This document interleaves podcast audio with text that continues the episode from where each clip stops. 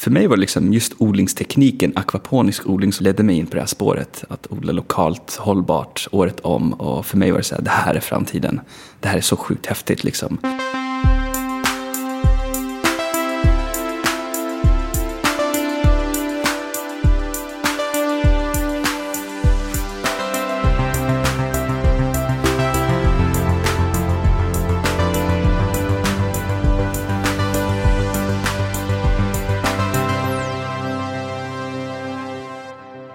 Men hej och välkommen till podcasten som heter Heja Framtiden. Jag heter Christian von Essen och jag är den där vidriga lilla snoken som envist viskar budskap om hopp och framtidstro i ditt öra när du sover. Eller bara vill ägna dig åt gnäll och domedagsprofetior. För det finns ju massor av fina lösningar på våra stora globala problem. Om vi bara ser dem och använder dem så kan framtiden bli hur bra som helst. Tänker jag. Jag har grottat ner mig ganska mycket i det som kallas för matsystemet på sista tiden. Jag har dels varit med och författat ICAs framtidsrapport 2021 och släppte 14 april magasinet Framtidens hållbara matsystem som gick ut tillsammans med Dagens Industri i samarbete med Livsmedelsföretagen, branschorganisationen. En av de aktörer som är med där och sponsrar med annons i bilagan och även vill vara med i podden är Hälsans kök. Som är faktiskt har producerat växtbaserade måltider ända sedan 1964. Då startade hälsokostbutiken Hälsans i Stockholm. Och där har man tillverkning av växtbaserade måltider i ett nedlagt mejeri i Gnesta. Detta var butiken Hälsans eget kök. Vilket gav upphov till namnet på varumärket. Nu när det börjar bli varmt och skönt och grillsäsong så kan vi med fördel testa deras sensational burger, sensational sausage och nuggets och allt möjligt. För att dra ner på köttkonsumtionen. Hälsans kök är ett utmärkt första steg på den resan. Tack snälla Hälsans kök för att ni vill vara med och sponsra Heja Framtiden. Nu ska vi prata om eh, det spännande området agtech och foodtech och framförallt stadsodling och akvaponisk odling. Tillsammans med eh, Hamza Kadomi. Välkommen till Heja Framtiden. Välkommen tillbaka till Heja Framtiden där Christian von Essen sänder från eh, Kitchen Studio Roslagsgatan 23 i Stockholm. Och med mig sitter Hamza Kadomi. Välkommen till podden. Tack så mycket, kul att få vara här. Vd och grundare för något som heter Echo Bloom. Precis. Uh, vi kan väl hoppa in där direkt. Jag vet typ att ungefär vad ni håller på med. Men uh, du kan väl dra lite bakgrund så här. Hur det startade. Just det, hur, var börjar jag någonstans? ja. Den långa, långa versionen eller den korta? Allt började väl lite när jag studerade. Um, pluggade på KTH här i Stockholm. Maskinteknik och älskar teknik och har en ganska stor passion för odling, om man får säga så. Ehm, älskar naturen, växter, skogen och för mig har det liksom varit drömmen att få kombinera de två världarna tillsammans. Fick odla lite hemma, liksom typiska hobbyisten. Um, ehm, odlade örter och grönsaker hemma i mitt rum. Um, och kom in på ett spår via ett projekt på KTH. Ehm, skulle sätta upp ett, ett, ett odlingssystem i Afrika. Ehm, ett Sida-projekt sponsrat av Sida. Det heter MFS, Minor Field Studies. Och, eh, och då var tanken att bygga ett akvaponisystem som jag varit introducerad för. Ehm, själva odlingstekniken på KTH via en vän. Och vi startade ett projekt tillsammans och sen så ledde det då till det här projektet i Afrika. Bygga ett akvaponisystem.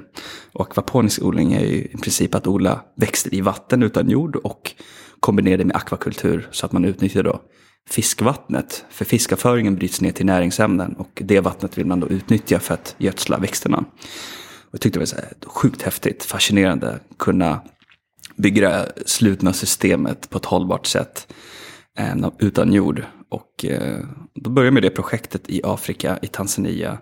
Det ena ledde till det andra.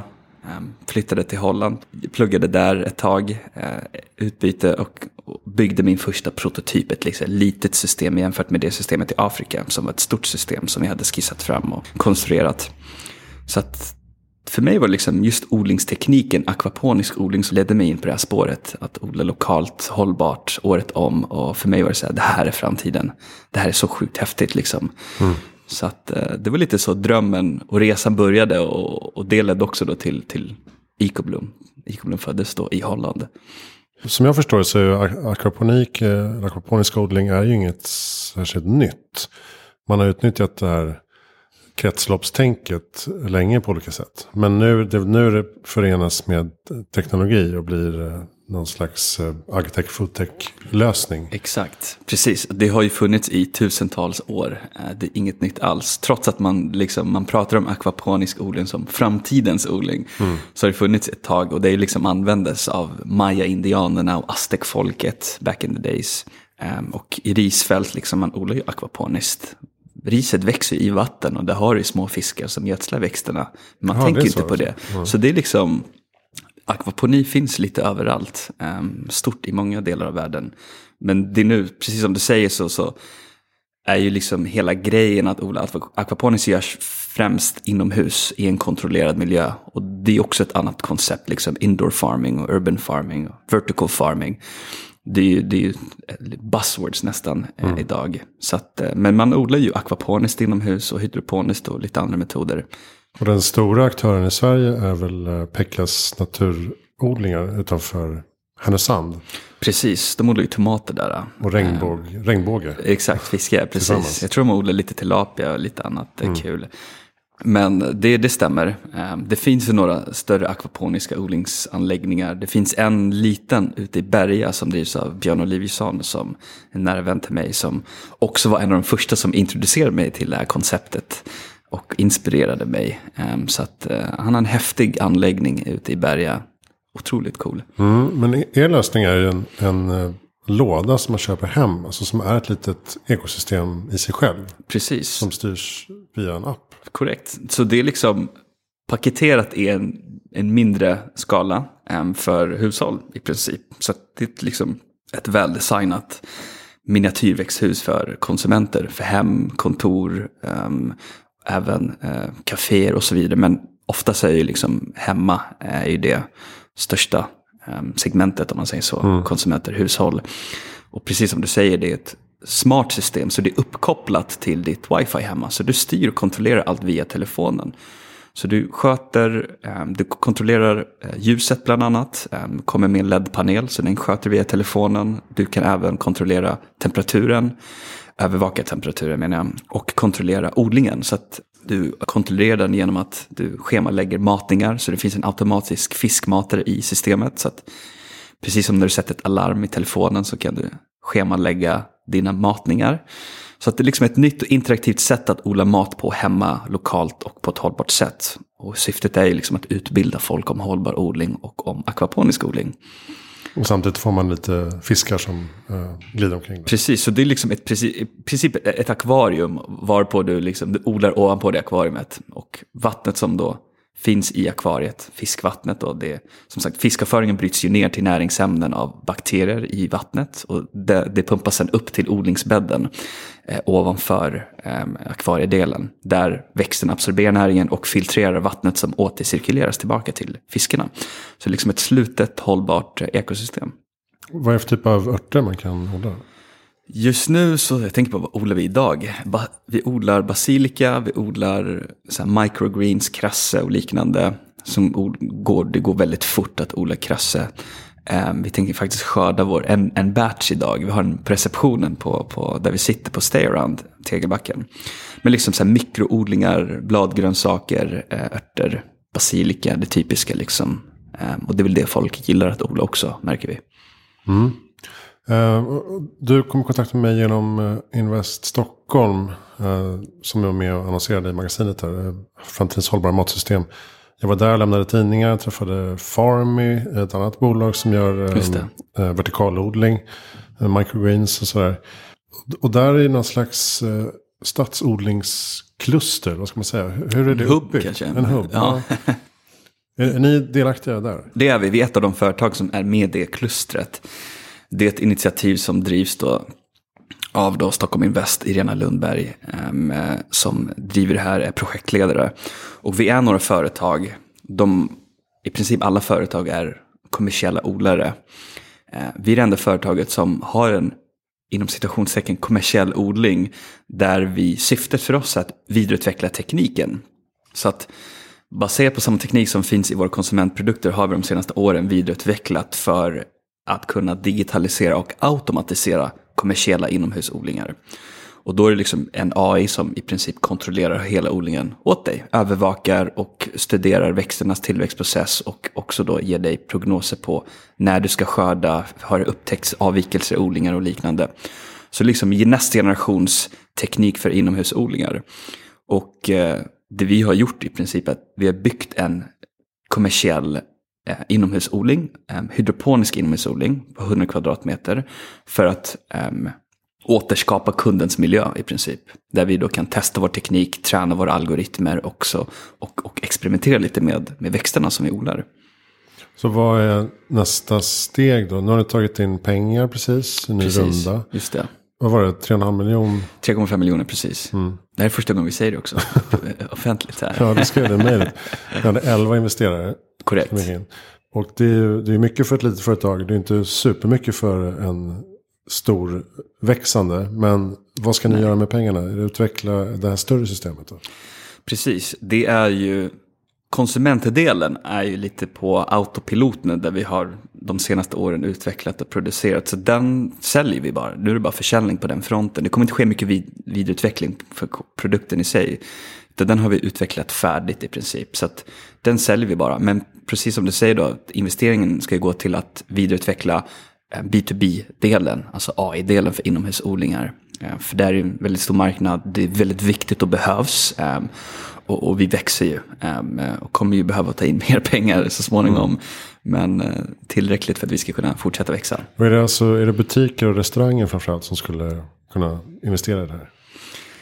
Tänker du i företaget eller i nej, själva nej, tekniken? Köpa, köpa det större Det är väl odlare.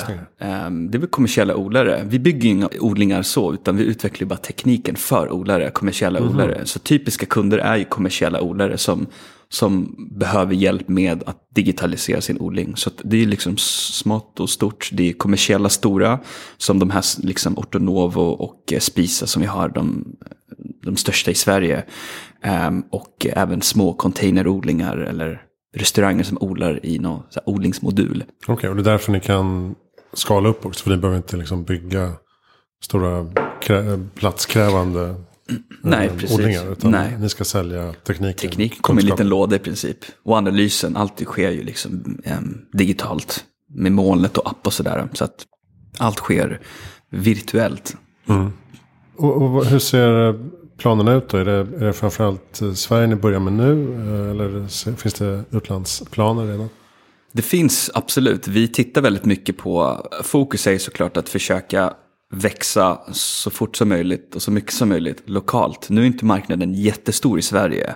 Det finns inte jättemånga inomhusodlingar än i Sverige. Men vi, vi blickar ju utåt såklart och pratar med odlare i allt från Holland till USA, eh, Mellanöstern. För där växer ju den här behovet framförallt väldigt, väldigt mycket. Så att eh, vi, vi har lite projekt på gång eh, utanför Sverige. Mm. Men jag tänker de här uh, örtodlarna som um, Svegro och Ortonovo. De, Just det. de har väl inte akvaponisk odling idag? Eller kan man använda systemet på vilken odling som helst? Vilken odling som helst. Okay. Alltså odlar du växter så that's it. För det, Aha, okay. det vår lösning är att den övervakar växterna. Så du har ju liksom um, olika typer av sensorer och kameror som dokumenterar tillväxtprocessen. Um, och det spelar ingen roll om du odlar akvaponiskt eller hydroponiskt eller aeroponic eller det finns en miljon olika metoder. Så länge du odlar växter så, så funkar vår teknik alldeles utmärkt. Okej, okay, så ni, ni konkurrerar typ med Swegreen då kan man säga? Egentligen inte. De, deras affärsmodell är ju att bygga moduler för liksom butiker. De är en potentiell kund om något, en partner skulle jag säga. Mm. Ehm, så att eh, alla som odlar, ehm, vare sig det är Swegreen eller Grönska eller Urban Oasis eller de här mindre odlare, ehm, är en potentiell kund och partner. Absolut. Om man säger att eh, akvaponisk odling är en framtidsbegrepp eh, då. Vad finns det för potential på en större skala? Alltså jag skulle nog säga att inte nödvändigtvis akvaponi utan eh, inomhusodling. Och med det då menar jag att man odlar i en kontrollerad miljö. Alltså har du tak över växterna så är det ju en inomhusodling i princip. Det kan vara ett växthus, det, kan vara en container, det kan vara i din källare. Ehm, och jag skulle nog säga att det här växer ju. Det blir ju viktigare och viktigare. Dels växer vi ju som population. Ehm, fler och fler flyttar till urbana miljöer, till städer, storstäder. Då är behovet också mycket större helt plötsligt. Vi har inte, och det har vi märkt nu också under pandemin, att vi kan inte förlita oss på att importera massa grödor och växter från andra länder, utan vi måste kunna odla det lokalt. Nu är vi ganska tjocka och glada i Sverige, ehm, men det finns ju andra länder som inte har den liksom, lyxen. Eh, och i Mellanöstern bland annat så är vatten ett stort problem. Eh, och den här metoden, eller de här metoderna att odla inomhus i en kontrollerad miljö möjliggör att liksom resurssparande, du sparar en hel del resurser, framförallt vatten. Det är upp till 95% mer vatteneffektivt när du odlar så här hydroponiskt eller akvaponiskt.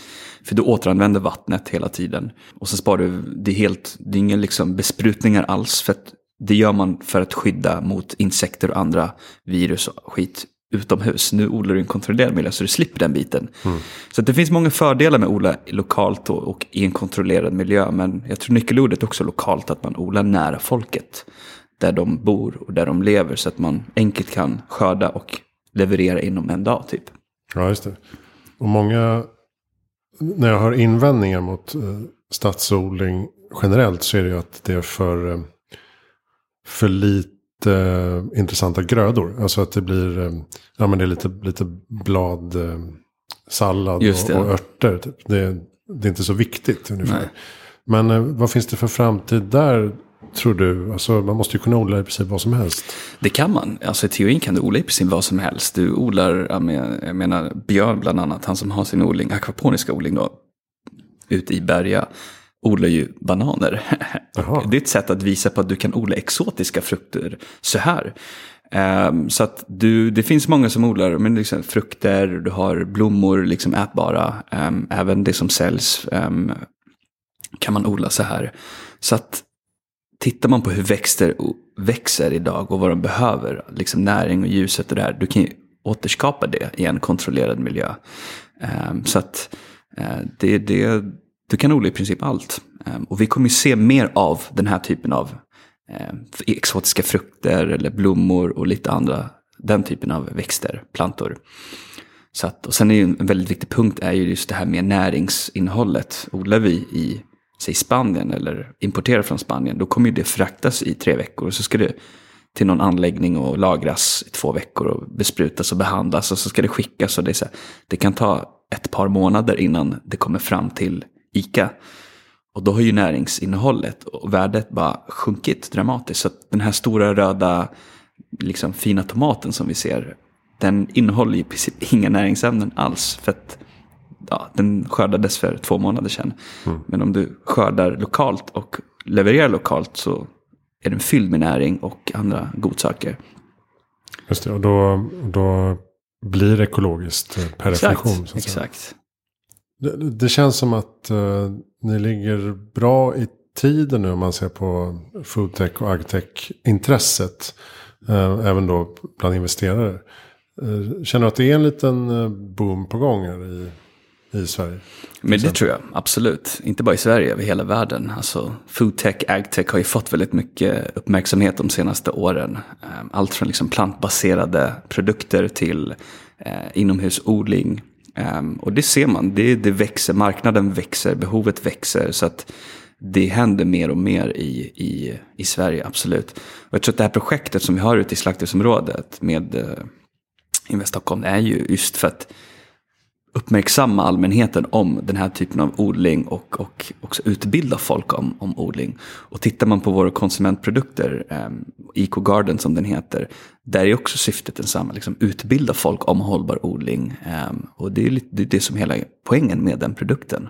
Du massproducerar ju inte växter hemma, utan det är liksom ett interaktivt sätt att exponera framförallt den yngre generationen för eh, nya sätt att odla mat på hemma, lokalt och hållbart.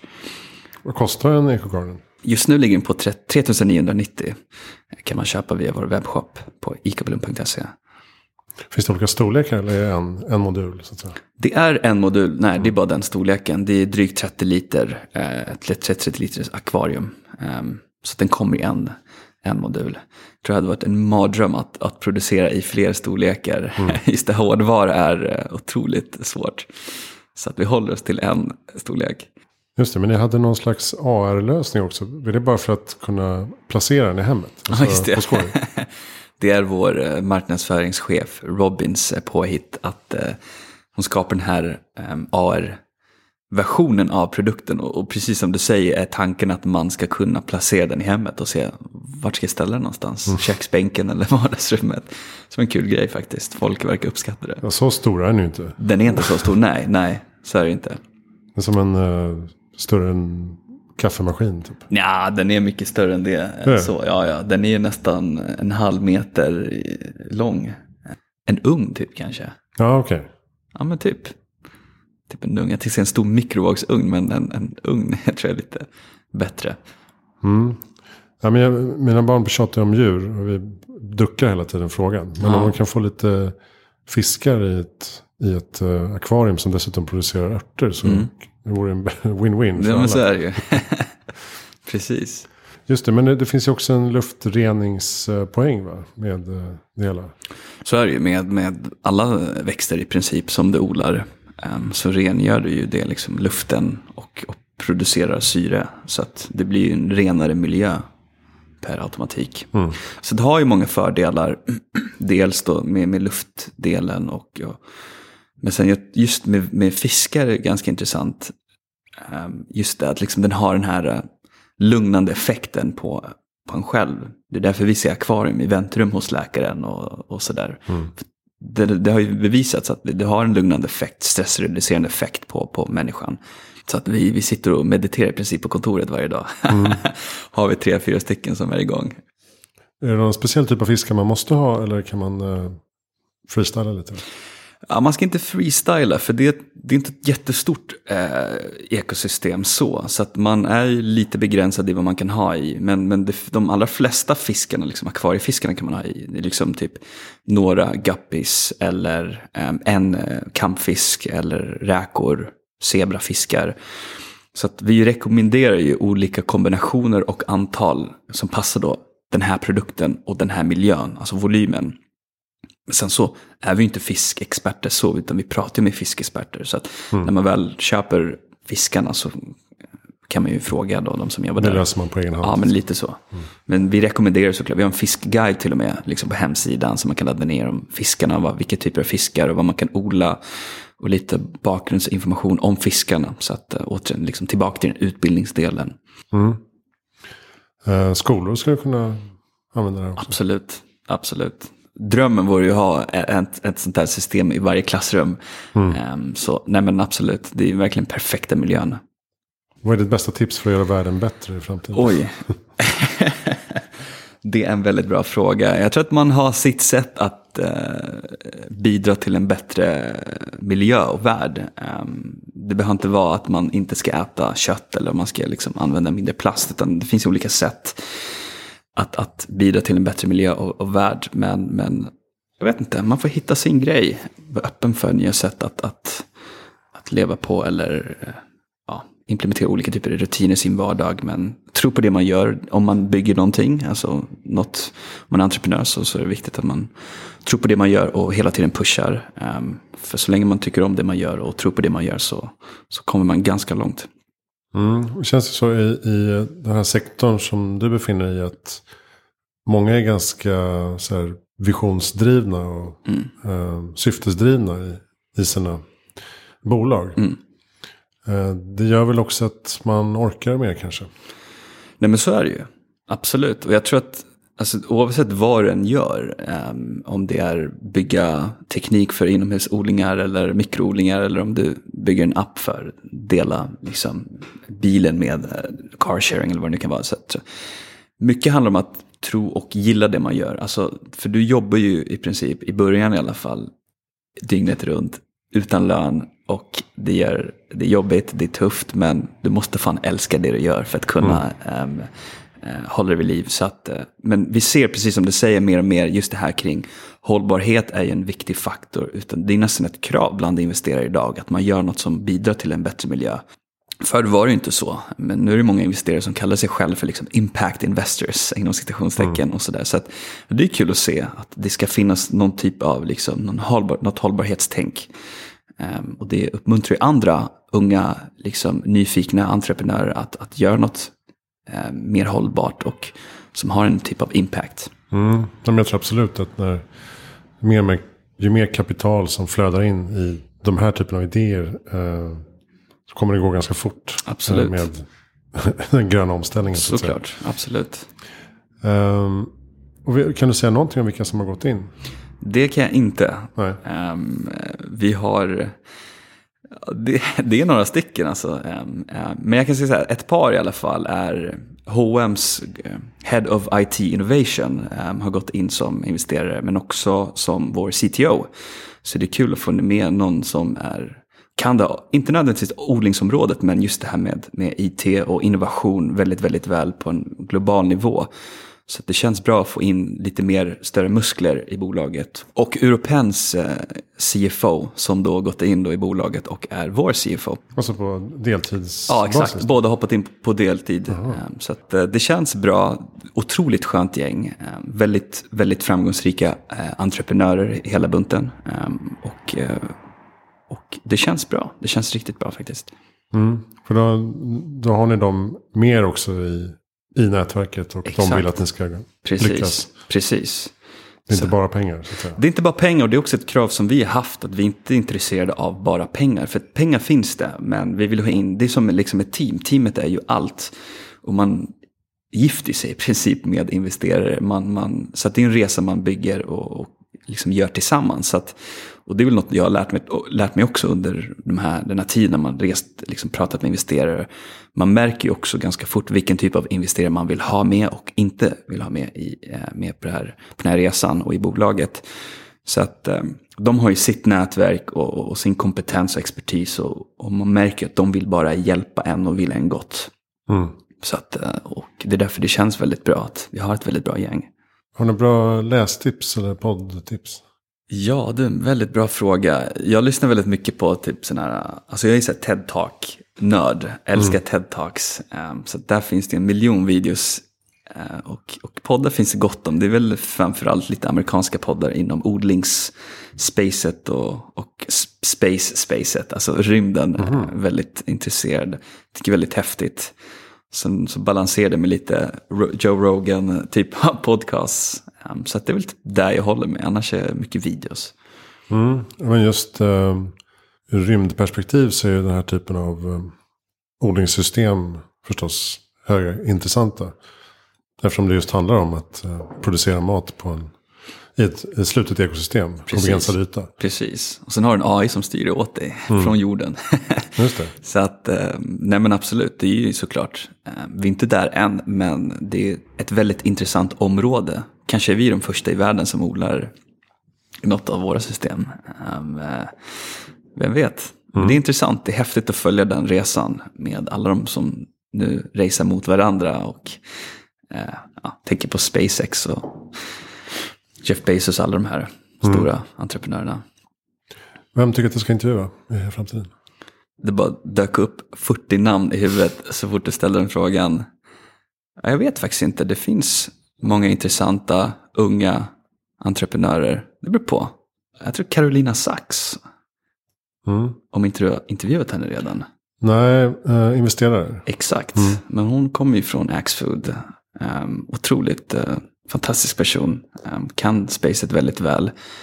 Och uh, hon tycker jag, du, du ska inte men även Johan Jörgensen. Ja men honom uh, pratade med, ja, nej, ett av de första avsnitten. Jaha okej, okay. ja men du ser, mm. då så. Uh, tre år sedan. Ja. Sjukt, tre år sedan. Tiden går fort. nej men Carolina hade jag lite mer kontakt med i förbindelse med uh, Invest Stockholm. Just det. Uh, annonsen där. Ja, ja. Just det. Så det, det är absolut möjligt ja. att få till. Det tycker jag. Bra tips. Tack snälla Hamza Kadomi för att du kom till här i framtiden. Tack för att jag fick komma. Och kolla in ecobloom.se och eh, beställ en sån här ecogarden. Och testa hemma. Ja, det tycker jag. Fiskar och örter tillsammans. Fantastiskt. Hejaframtiden.se, där hittar du allt du behöver veta. Och Framtidens hållbara, där hittar du alla artiklar från Framtidens hållbara matsystem. Jag heter Christian von Essen, tack för att du lyssnade.